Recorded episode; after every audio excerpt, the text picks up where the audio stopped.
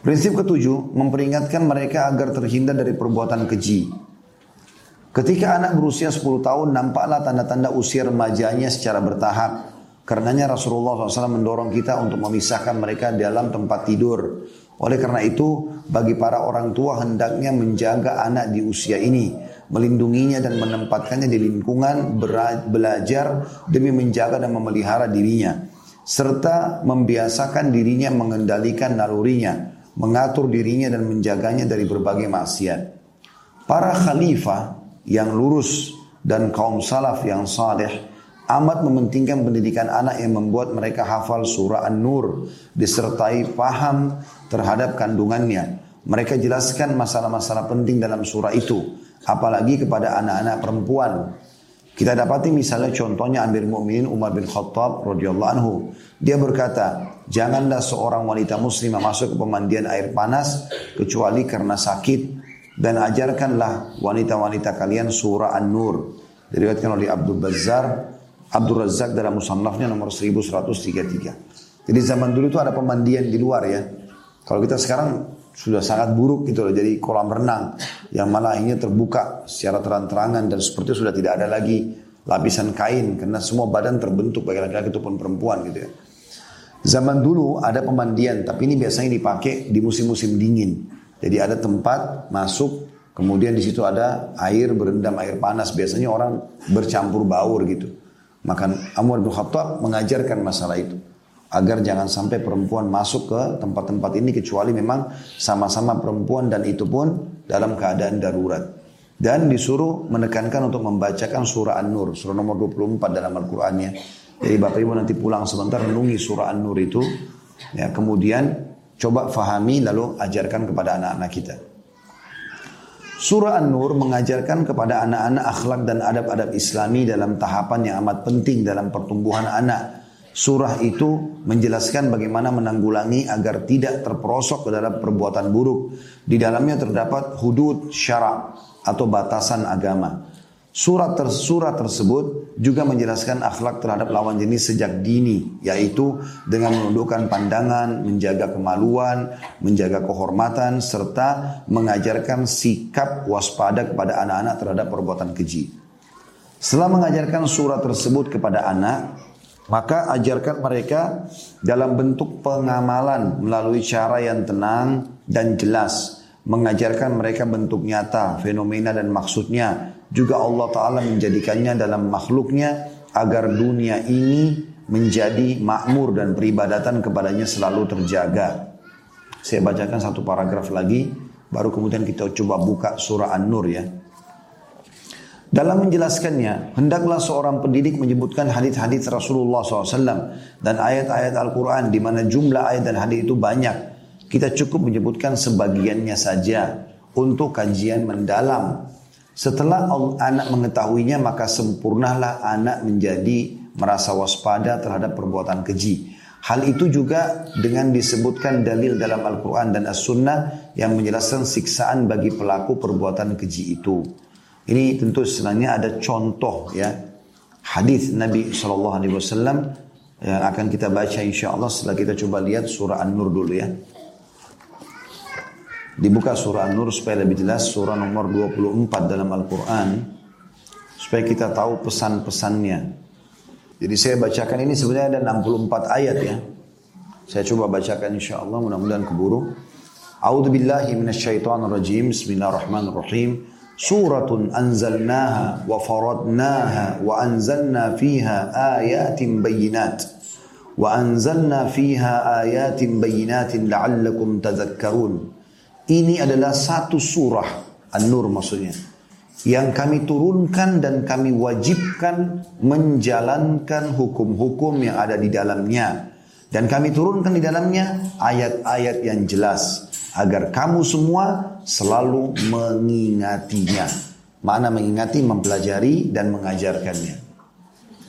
Apa pesan Allah yang pertama di sini? Setelah jelaskan surah ini penting pelajari ya, harus diamalkan ya. Lalu Allah ingatkan yang paling pertama di ayat duanya. Az-zaniyatu fajridu kulla wahidin minhuma mi'ata jalda ta'khudhukum bihima ra'fatun fi dinillahi in kuntum tu'minuna billah. In kuntum tu'minuna billahi wal yawmil akhir wal yashhad azabahuma ta'ifatun minal mu'minin. Perempuan yang berzina dan laki-laki yang berzina maka derahlah tiap-tiap seseorang dari keduanya seratus dan seratus kali derah. Dan janganlah belas kasihan kepada keduanya mencegah kamu untuk menjalankan agama Allah jangan kena kasihan lalu tidak mau dicambuk cambuk mereka dan janganlah belas kasihan kepada keduanya mencegah kamu untuk menjalankan agama Allah jika kamu beriman kepada Allah dan hari akhir. Dan hendaklah pelaksanaan hukuman mereka disaksikan oleh sekumpulan orang-orang yang beriman.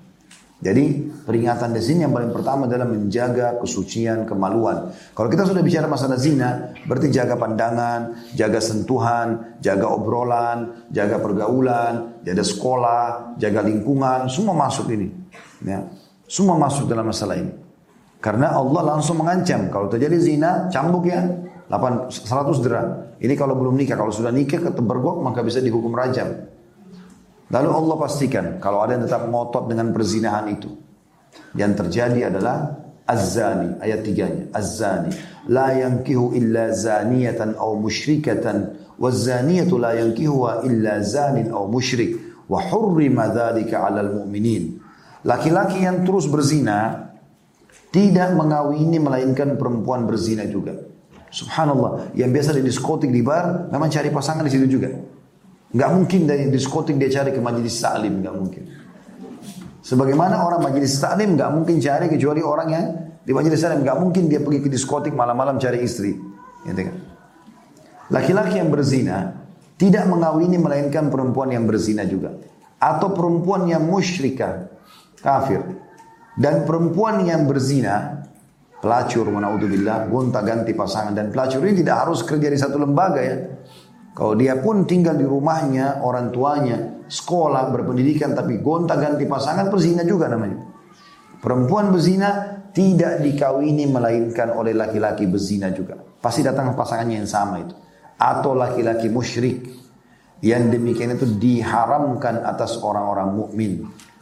Orang mukmin suci. Gak mau letakkan kemaluan kecuali pada pasangan halal. Maka gak boleh nikah sama pezina. Laki-laki atau perempuan. Diharamkan. Kecuali si pezina itu sudah taubat nasuha. Kemudian dia betul-betul kembali ke jalan Allah. Itu berbeda. Kita tidak lihat masa lalu orang. Pernah ada seorang syekh ditanya di Saudi begitu. Tentang masalah wanita ini mengatakan saya seorang wanita yang sudah tidak benar. Berapa kali saya berzina. Sekarang saya sudah tobat tahu ini adalah dosa besar. Apakah saya masih layak dapat laki-laki mukmin? Saya sekarang mau nikah, tapi saya nggak mau laki-laki buruk, pezina juga. Kata syekhnya, tentu saja kalau kau tobat nasuha. Karena laki-laki mukmin tidak akan menanyakan masa lalumu. Nama laki mukmin tidak akan tanya itu. Udah dia nikah, dia sekarang tahu ini muslimah baik, dia nikahi. Tetapi kalau dia tidak bertaubat, maka hukumnya haram. Jadi nggak boleh bapak-bapak mengatakan, udah saya nikahi pelacur ini, billah, supaya saya nanti yang pandu dia. Tidak usah jadi pahlawan di situ. Atau perempuan muslim yang mengatakan, ini laki-laki playboy tapi dia mau sadar, tidak apa-apa lah. Alasannya katanya kalau nikah sama saya nanti dia mau sholat. Dusta, bohong. Jangan dipercaya. Gak bakal sholat itu. Untuk apa? Untuk apa ibu-ibu capek-capek longin waktu untuk bantu dia sholat? Cari yang sudah sholat malam. Justru imami ibu sholat. Nah itu yang benar. Nanti setelah nikah punya anak baru nyesal. Ya, selalu keluar nih selingkuh sana sini sama teman kantornya. Ya memang dari awal nikahnya sama laki-laki begitu. Ya wajar. Lalu cari suami di mana Ustaz? Itu yang kalau azan di saf pertama, itu suami itu. Nah, iya, azan ke masjid, ya, bakti sama orang tuanya, cari pekerjaan halal, anak-anak yang sekolah agama itu, itu memang layak jadi pasangan. Begitu juga dengan laki-laki, berapa kali saya ketemu begitu laki-laki, mau dia sudah ikut pengajian atau belum? Kalau ketemu saya Ustaz, apa kabar baik Ustaz, nasihatin Ustaz, saya ini mau menikah, baik nikah dari pesantren, saya gitu ya. Nikah sama anak pesantren. Ada yang belakang Ustaz, tapi saya punya pacar, saya sudah suka. Gak bisa pacaran dalam Islam setelah nikah. Kalau pacaran sebelum nikah itu haram dalam Islam, tidak boleh. Nyentuh aja sudah haram. Apalagi kalau sampai perzinahan terjadi. Dan kemudian nanti rumah tangganya pasti kacau loh. Rumah tangga yang dimulai dengan perzinahan rusak, pasti sering bertengkar. Rumah tangga yang dimulai dengan baik, tidak bersentuhan, nazar syar'i, kemudian akad nikah dengan benar, belum pernah saling menikmati nanti setelah nikah, aman, tentram rumah tangganya. Insya Allah akan aman. Allah SWT akan berkahi. Bagaimana ibadah dimulai dengan kemaksiatan? Tapi kan kalau tidak pacaran Ustaz saya tidak tahu nanti dia dusta. Orang pacaran itu ya itu tidak menjelaskan tentang hakikat orang itu. Enggak. Bahkan banyak disembunyikan. 10 tahun pacaran semua selalu tunjukkan yang baik-baik. Begitu dia sudah nikah 2 bulan cerai. Oh saya baru tahu kok begini. Ya, saya begini, terima silakan. Tidak, sudah tidak apa-apa. Tapi sudah rusak namanya. Untuk apa? Jadi kan. Kalau kita dari awal bisa dapat makanan bagus, kenapa cari makanan bekas? Ya, itu. Jelas nggak? Ya. Kemudian Allah Subhanahu wa taala memastikan di ayat 4-nya, "Walladzina yarmuna al-muhsanati thumma lam ya'tu bi arba'ati syuhada fajlidum." ثم لم يأتوا بأربعة شهداء فاجلدوهم ثمانين جلدة ولا تقبلوا لهم شهادة أبدا وأولئك هم الفاسقون dan orang-orang yang menuduh wanita-wanita yang baik-baik berbuat zina. Dan mereka tidak mendatangkan empat orang saksi. Maka derahlah mereka yang menuduh itu 80 kali derah. Dan janganlah kamu terima kesaksian mereka buat selama-lamanya. Dan mereka itulah orang-orang yang fasik. Jadi walaupun zina itu hukumnya haram dalam Islam kita nggak boleh juga memata-matai orang, itu hukum syar'i. Nggak boleh kita sengaja mata-matain, lalu kemudian kita laporkan, nggak. Kalau depan mata memang kelihatan, salah kita luruskan. Kalau kita mau dia dihukum, maka selain suami istri ya, harus datangkan empat orang saksi. Harus orang empat orang itu lihat orang yang sama, di tempat yang sama, keadaan yang sama, waktu yang sama, baru diterima. Kalau itu benar, maka dicambuk 100 derah kalau belum nikah, dia dirajam kalau sudah menikah. Tapi kalau suami istri, dia pulang naudzubillah temukan pasangannya selingkuh sama orang lain, maka dia boleh memberikan kesaksian buat dirinya sendiri dengan cara lima kali sumpah.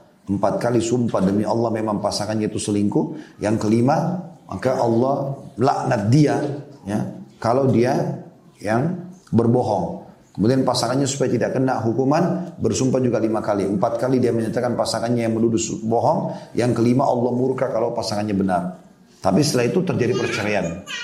Perceraian selamanya. Bukan lagi tolak satu. Kalau ini namanya sudah ada ya eh, apa namanya hukum li'an saling melaknat ya.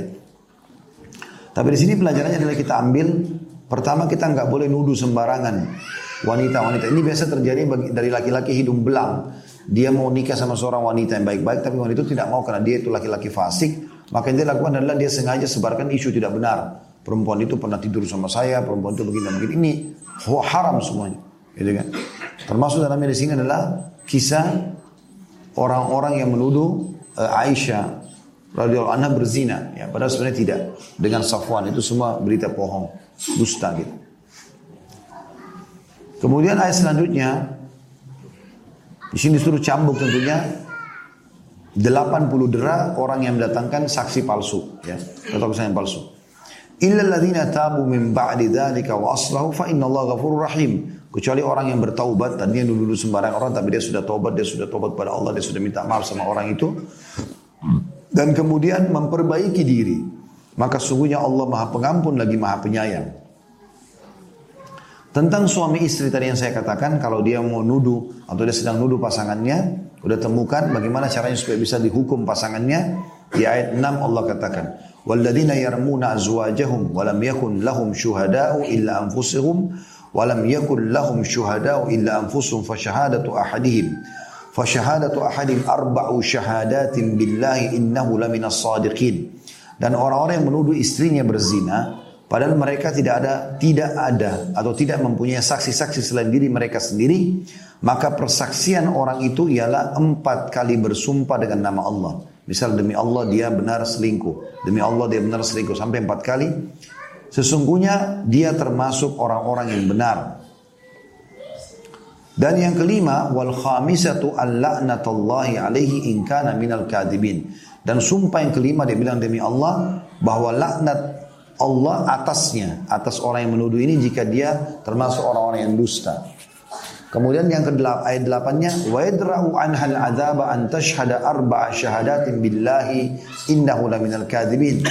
Dan istri yang sedang dituduh atau pasangan sedang dituduh termasuk suami misalnya dihindarkan dari hukuman rajam karena kalau sudah menikah dirajam oleh sumpahnya empat kali atas nama Allah. Sesungguhnya suami itu benar-benar termasuk orang dusta.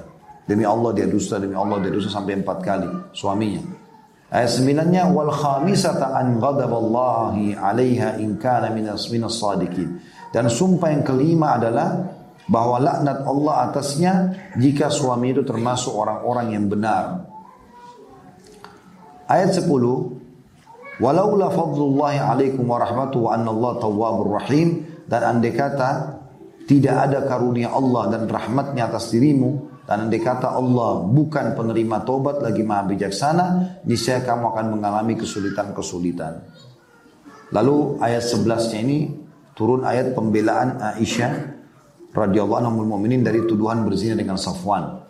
Allah bilang Innal ladina ja'u bil ifki usbatun minkum la tahsabuhu syarran lakum bal huwa khairun lakum likulli imri'in minhum maktasaba minal ithm walladhi tawalla kibrahu minhum lahu adzabun azim.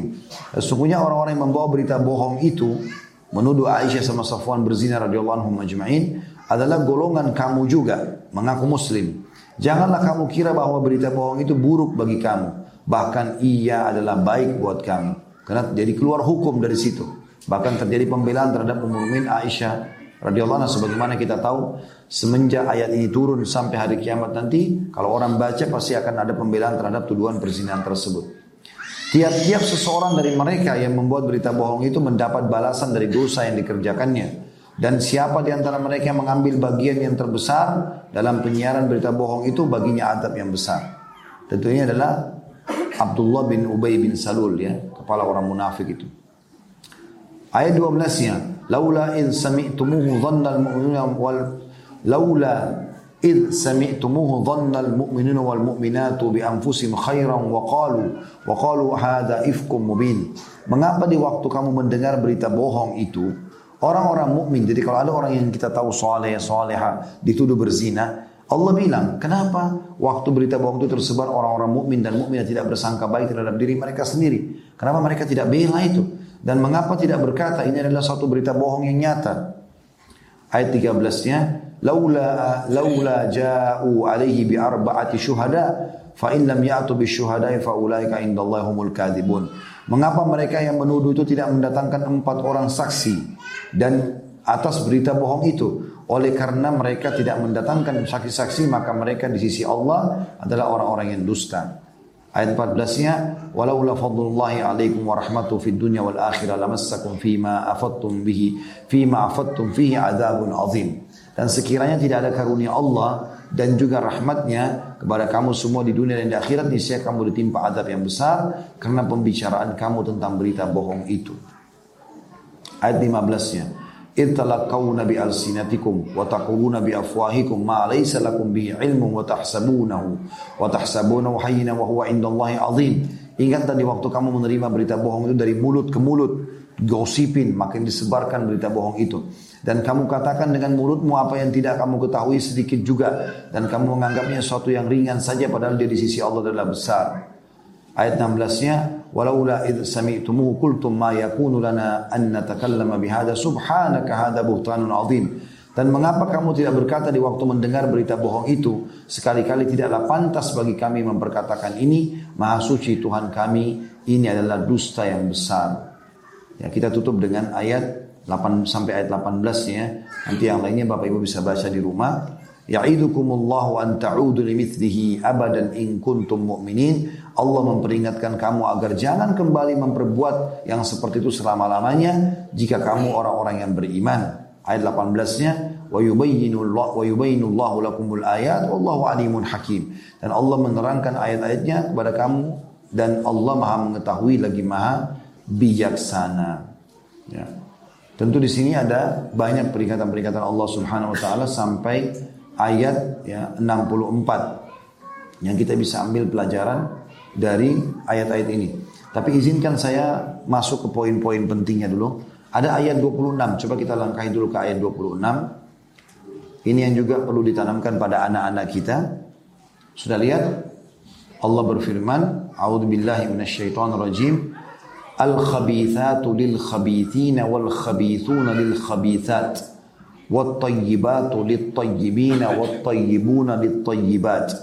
ulaika mubarrauna mimma yakulun lahum magfiratun wa rizqun karim. Wanita yang keji ya wanita yang buruk akhlaknya pelacur pezina adalah untuk laki-laki keji juga. Dan laki-laki yang keji adalah buat wanita-wanita yang keji. Dan wanita-wanita yang baik adalah untuk laki-laki yang baik. Dan laki-laki yang baik adalah untuk wanita-wanita yang baik-baik. Mereka yang dituduh itu bersih dari apa yang dituduhkan oleh mereka yang menuduh itu. Bagi mereka ampunan dan rezeki yang mulia atau surga. Jadi ini jelas sekali tentang masalah ya Allah subhanahu wa ta'ala memerintahkan kita untuk menyampaikan ini. Untuk diri kita dan juga untuk anak-anak kita. Saya sering bahasakan kepada anak-anak. Ingat, jaga pergaulan. Tidak boleh interaksi sama lawan jenis. Kecuali dengan mahram. Itu pun ada batasan-batasan juga. Nanti kalau jaga, maka Allah akan datangkan pasangan hidup juga yang sama dengan kalian. Kalian baik, nanti datang pasangan baik. Gak usah pikirin jodoh. Allah datangkan itu. Allah punya cara datangkan. Tapi kapan buruk, Allah datangkan juga pasangan yang buruk. Atau Allah persulit pernikahannya. Ini penanaman kepada anak-anak. Ayat 27 juga begitu. Tentang adab minta izin. Ini sudah kita jelaskan juga pada bahasan kita sebelumnya ya. Ajarkan mereka minta izin. Kalau mau masuk di kamar kita supaya jangan sampai mereka melihat terjadinya hubungan biologis atau terbukanya aurat dari orang tua. Ayat 27 bunyi ya ayyuhalladzina amanu la tadkhulu buyutan ghaira buyutikum hatta tasta'nisu wa tusallimu ala ahliha Dzalikum khairun lakum la'allakum tadhakkarun. Hai orang-orang beriman, jangan kau masuki rumah yang bukan rumahmu sebelum meminta izin dan memberi salam kepada penghuninya. Yang demikian itu lebih baik bagimu agar kamu selalu ingat. Ayat 28, fa in lam tajidu fiha ahadan fala tadkhulu hatta yu'dhana lakum wa in qila lakum irji'u farji'u huwa azka lakum wallahu bima ta'maluna alim. Jika kamu tidak menemui seorang pun di dalamnya, maka jangan tetap kamu masuk sebelum kamu dapat izin. Gak boleh masuk rumah orang. Mungkin orangnya lagi di kamar mandi, mungkin lagi dia mau keluar ambil pakaian di tempat jemuran belakang, dia pikir nggak ada orang dan segala macam. Maka jangan kamu masuk sebelum kamu mendapatkan izin. Dan jika dikatakan kepadamu kembalilah, dia tidak mau terima tamu misalnya, maka kembalilah. Itu lebih bersih bagimu dan Allah maha mengetahui apa yang kamu kerjakan. Ada di ayat 29 lanjutannya dikatakan laisa alaikum junahun an tadkhulu buyutan ghaira maskunatin fiha mata'un lakum wallahu ya'lamu ma tubduna wa ma taktumun. Tidak ada dosa atasmu memasuki rumah yang tidak disediakan untuk didiami. Misal rumah sudah terlanjur rubuh, rusak, rumah sudah ditinggalkan oleh penghuninya di tengah hutan, di pinggir kali dan segala macam. Itu boleh. Jadi tidak ada penghuninya, itu tidak ada dosa. Yang di dalamnya ada keperluanmu, kamu istirahat sejenak, ya.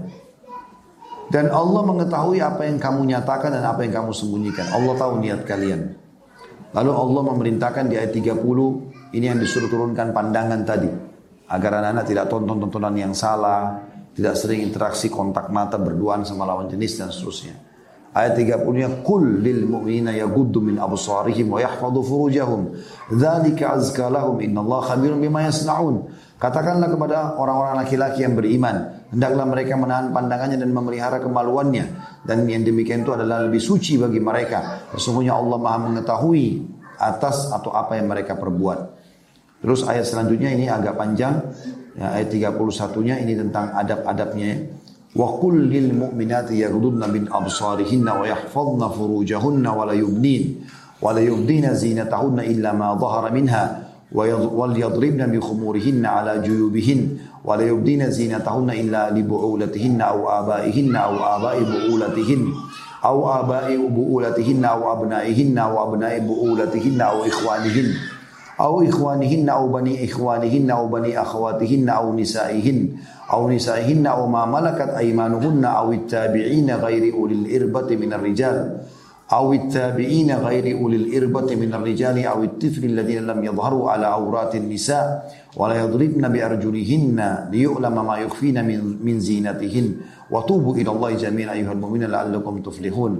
Katakanlah kepada para wanita yang beriman, hendaklah mereka menahan pandangannya dan kemaluannya dari yang haram. Dan janganlah mereka menampakkan perhiasannya kecuali yang biasa nampak daripadanya Hendaklah mereka menutupkan kain kudung ke dadanya, diulurkan sampai tutup dadanya sehingga tidak nampak, tidak terbentuk. Kecuali kepada suami mereka atau ayah mereka atau ayah suami mereka, mertua. Sudah pernah kita jelaskan tidak ada mantan mertua ya. Jadi mahram kita abadi. Atau putra-putra mereka. Atau putra-putra suami mereka. Kalau nikah poligami, suami sudah punya anak atau sama duda punya anak. Atau saudara-saudara laki-laki mereka. Atau putra-putra saudara laki-laki mereka. Ponakan dari saudara laki-laki. Atau putra-putra saudara perempuan mereka. Ponakan dari saudari perempuan. Atau wanita-wanita Islam. Ya. Atau budak-budak yang mereka miliki. Atau pelayan-pelayan laki-laki yang tidak mempunyai keinginan terhadap wanita. Atau misalnya laki-laki sudah sangat tua sekali Ya, sudah nggak memungkinkan lagi dia punya syahwat 90 tahun gitu kan. Tapi kalau 70 tahun masih lincah jangan. Hmm. Dan janganlah mereka memukulkan kakinya perempuan-perempuan itu. Maaf di sini katakan atau pelayan laki-laki yang tidak mempunyai keinginan terhadap wanita atau anak-anak yang belum mengerti tentang aurat wanita. Itu semua tidak apa-apa. Dua tahun, tiga tahun gitu. Ya. Kemudian dikatakan dan janganlah juga mereka para wanita memukulkan kakinya agar diketahui perhiasan yang mereka sembunyikan. Ini tradisi orang-orang Arab sampai sekarang mereka masih lakukan ya di beberapa negara Arab itu mereka menggunakan gelang kaki. Ya. Nah biasanya itu salah satu ciri perempuan-perempuan yang tidak benar mereka sengaja meninggikan kain penutup badannya untuk memperlihatkan gelang kakinya itu ya. Allah melarang itu. Dan bertobatlah kalian semua kepada Allah hai orang-orang beriman supaya kalian beruntung. Lalu ayat 32 disuruh segera nikahkan orang-orang yang sendiri, bujang, gadis, duda, janda. Selama mereka memang ya dianggap baik nikahkan. Allah mengatakan wa ankihul ayama minkum was-salihin min ibadikum wa imaikum. Iyakunu fuqara yughnihimullah min fadli wallahu wasi'un alim. Dan kawinkanlah orang-orang yang sendirian di antara kamu termasuk anak-anakmu jangan jangan lama-lama saya sudah pernah bilang jangan hubungkan pernikahan dengan prestasi dunia. Nikahkan saja, gitu kan. Dan orang-orang layak berkawin atau menikah dari hamba-hamba sahayamu yang laki-laki dan hamba-hamba sahayamu yang perempuan. Jika mereka miskin, Allah akan memampukan mereka dengan karunia-Nya dan Allah maha luas pemberiannya lagi maha mengetahui. Tentu ini setelahnya juga ada banyak pesan-pesan Allah Subhanahu wa taala tapi yang kita titik beratkan tadi pesan-pesan itu. Tentu saya berharap ini Bapak Ibu bisa melanjutkan bacanya sampai 64 ayat dalam Al-Quran itu dalam surah An-Nur untuk memastikan apa yang sudah kita bahas tadi ya. Saya e, melanjutkan ini karena riwayat ini saya harus baca untuk melengkapkan bahasan kita insya Allah. At-Tabarani dan Ahmad meriwayatkan dari Abu Umama bahwa seorang pemuda dari Quraisy datang kepada Nabi SAW lalu berkata, Wahai Rasulullah izinkan saya berzina. Orang-orang pun mendatangi dan menghardiknya sambil mengatakan, biarkan dia, biarkan dia. Maksudnya agar kami hajar. Ya, mau dipukul sama para sahabat. Kok masuk masjid depan orang-orang izin sama Nabi mau berzina. Beliau SAW bersabda, dekatkan dia. Biarkan dia mendekat sama saya. Maka orang itu pun mendekat kepada beliau lalu beliau bersabda, Sukakah kamu ibumu dizinai? Dia menjawab, tidak demi Allah. Semoga Allah menjadikanku sebagai tebusannya. Maksudnya jangan sampai aku akan siap mati untuk itu kalau ibuku mau dizinai. Beliau bersabda SAW, orang-orang pun sama tidak suka kalau ibunya dizinai. Bagaimana kalau hal itu terjadi pada putrimu? Orang itu menjawab, tidak demi Allah ya Rasulullah. Semoga Allah menjadikanku sebagai tebusanmu. Ya. Uh, beliau pun, maksudnya aku menghormati keputusan anda itu. Beliau pun bersabda, orang-orang pun sama tidak suka kalau hal itu terjadi pada putrinya. Jadi tergantung kau nikah sama ibunya orang, maka orang tidak mau anaknya tidak suka. Kau nikah sama zina sama anaknya orang, maksudnya ini zina ya. Kau zina sama anak orang, pasti orang tuanya tidak suka. Begitu begitu lanjut beli begitu um, maaf. Beliau melanjutkan lagi sabdanya bagaimana kalau itu terjadi pada saudarimu? Orang itu menjawab tidak wahai Rasulullah. Semoga Allah menjadikanku sebagai tebusanmu. Beliau sesuatu menjawab, menjawab lagi. Orang-orang pun sama, tidak menyukai kalau hal itu terjadi pada saudari mereka. Beliau lanjutkan pertanyaan, bagaimana kalau itu terjadi pada bibimu dari pihak ayahmu? Amma. Maka orang itu menjawab, tidak wahai Rasulullah, semoga Allah menjadikanku sebagai tebusanmu. Beliau bersabda, orang-orang pun sama, tidak suka kalau itu terjadi pada bibi mereka. Beliau bertanya lagi, bagaimana kalau hal itu terjadi pada bibimu dari pihak ibumu? Khala, tante dari ibu. Orang itu menjawab tidak. Demi Allah, wahai Rasulullah, semoga Allah menjadikanku sebagai tebusanmu. Beliau SAW bersabda, orang pun sama. Tidak suka kalau hal itu terjadi pada bibinya dari pihak ibu. Maka beliau menaruh tangannya di dada orang itu dan berkata, Ya Allah, ampunilah dosanya, sucikanlah hatinya, peliharalah kemaluannya. Abu Umama pun berkata, anhu, setelah itu pemuda itu tidak menengok sedikit pun kepada hal itu atau hal tersebut. Hadis ini riwayatkan oleh Tabarani dalam Al-Kabir jilid 6 halaman 162 163. Ini adalah contoh pembinaan dan pendidikan dalam masalah ini, di mana masalah ini sangat dikhawatirkan oleh keluarga dan dijauhi dan ditinggalkan oleh anak di masa-masa perlunya bimbingan dan penjagaan. Namun orang-orang yang jahat mengajarkan mereka sesuatu yang kita khawatirkan, terperosok ke dalamnya. Pendidik yang sebenarnya akan mengajarkan takwa dan rasa takut kepada Allah Ta'ala. Mengajarkan rasa cinta kepada syariatnya. Dan mengajarkan kepada anak-anak hukuman perzinahan dan cara menegakkan hudud atau hukuman Allah serta mengikuti syariat Allah Ta'ala. Di mana dalamnya terdapat perlindungan dan keselamatan. Maksudnya adalah, tadi kan waktu orang ini datang minta izin sama Nabi Zina, berarti dia tidak paham. Para sahabat sudah langsung mau main tonjok aja nih. Ya. Berarti tidak boleh, teman-teman kita banyak seperti orang yang ya ribut pada saat anak sudah bicara atau bertanya masalah begini. Atau sudah terjadi padahal sebenarnya kita yang bukakan pintu-pintu. Kita sengaja sekolahkan di sekolah asing pergaulannya bebas ya segala macam. Lalu kemudian anak kita pada saat hamil di luar nikah lalu marah. Tidak keliru itu. Jadi Nabi SAW menunjukkan kepada orang ini kepada orang-orang jangan tergesa-gesa menilai orang tetapi kita harusnya memahami sebab-sebabnya. Nanti orang ini belum paham kita jelaskan kalau orang itu melanggar kita hukum gitu kan. Makanya Nabi tanya di sini. Kalau tantemu, kalau adikmu, kalau anakmu, segala macam, kau mau nggak? Dia nggak mau. Maka seperti itu. Dan hendaklah seorang pendidik membuat satu contoh buat anaknya tentang bagaimana anak-anak kaum salaf yang soleh dahulu agar selalu menjadi panutan. Sebagai penutup contohnya Usama bin Zaid radhiyallahu anhu. Dia dengan ayahnya sahabat. Berusia 17 tahun. Sebenarnya menurut kebiasaan pada umumnya dia adalah orang yang hampir dewasa. Demikian pula menurut para ahli kejiwaan, ahli masalah akhlak dan ahli pendidikan masa sekarang, yakni dia adalah orang yang menjelang dewasa dalam tahapan mendekati dewasa. Namun Usama telah menjadi seorang panglima pasukan yang sukses ketika umat Islam dalam kondisi sempit. Pemuda dalam generasi Islam memiliki cita-cita yang tinggi, yaitu membela Islam dan kaum muslimin. Hal itu tentunya tidak akan tercapai kecuali bila pemuda tersebut senantiasa berpegang dengan syariat Allah Subhanahu wa taala dan sunnah nabinya Muhammad sallallahu alaihi wasallam. Saya baca paragraf terakhir lalu saya jelaskan sedikit Usama baru kita tutup. Ketika itulah Allah memperbaiki keadaan mereka, mengangkat syiar mereka dan menjadikan mereka orang-orang yang berkuasa di dunia sebagaimana keadaan para pendahulu kita yang soleh. Hanya kepada Allah lah tempat kita meminta. Jadi Usama bin Zaid ini punya ayah namanya Zaid bin Haritha. Ini adalah anak angkat Nabi SAW. Nabi sangat cinta kepada uh, Zaid lalu diajarkan prinsip-prinsip agama. Sangat tertanamkan dalam jiwa Zaid.